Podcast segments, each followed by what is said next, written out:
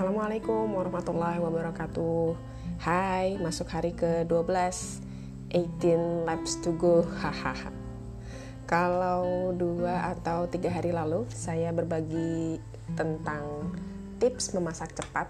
Hari ini mau coba berbagi tentang tips menyusun menu. Karena menyusun menu kan kalau kemarin saya berbagi, kalau teman-teman sudah mendengarkan, berada di urutan pertama tips memasak cepat ibu-ibu seringnya bingung ya kehabisan ide mau masak apa nih besok. Kalau bingung ujung-ujungnya ya masak bayam lagi sop lagi goreng telur lagi atau goreng nugget lagi. Siapa yang begini? Hayo. Saya juga begitu kok kadang-kadang. Tenang aja pasti banyak temennya itu.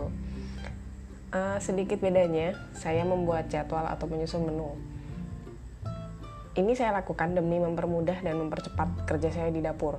Kalau dulu-dulu iya, saya masih tulis, dibuat coretan gitu, dibuat tabel gitu.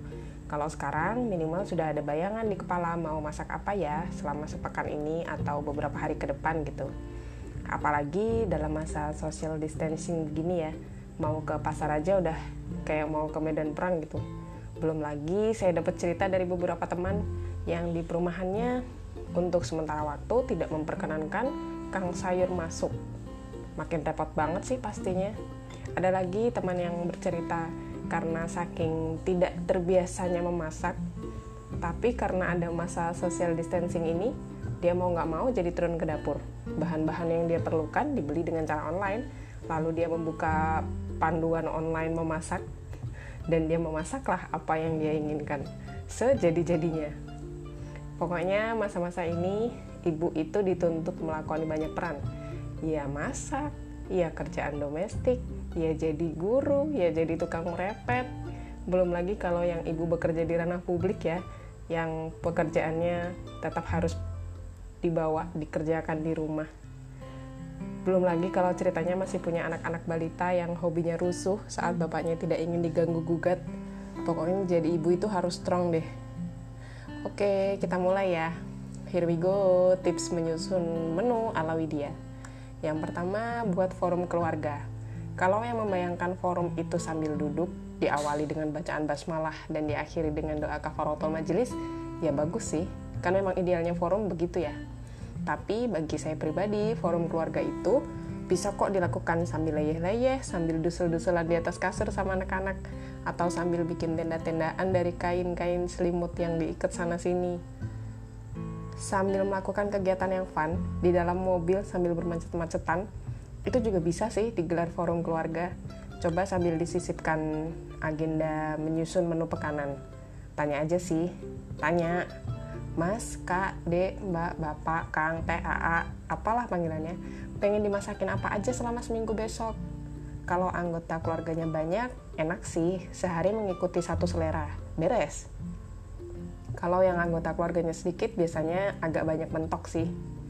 Kalau masih dijawab, udah deh terserah ibu mau masak apa, mungkin bisa coba dilanjutkan dengan pertanyaan berikutnya. Kalau ibu masak menu ini gimana? Kalau ibu masak menu itu gimana? Lalu, ketika mereka mengatakan oke, okay, angkut dalam daftar. Habis nanya jangan lupa dicatat dan inventaris ya mak. Biasanya habis nanya udah lewat aja gitu. Nah itu tadi tips yang pertama. Sekarang tips menyusun menu yang kedua. Yaitu mencari inspirasi. Sekarang nggak ada yang susah sih cari menu itu bisa semudah mengklik jempol dalam sebuah aplikasi. Banyak bertebaran masakan enak di feed sosial media sosial media ya bisa banget uh, melihat list menu dari keluarga lain lalu kita ATM. Pastinya disesuaikan dengan kemampuan dan kebiasaan kita di keluarga.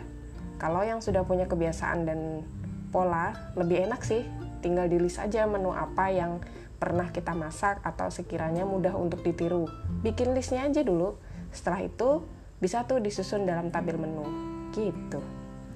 Lanjut ya, tips yang ketiga yaitu mengikuti perputaran protein.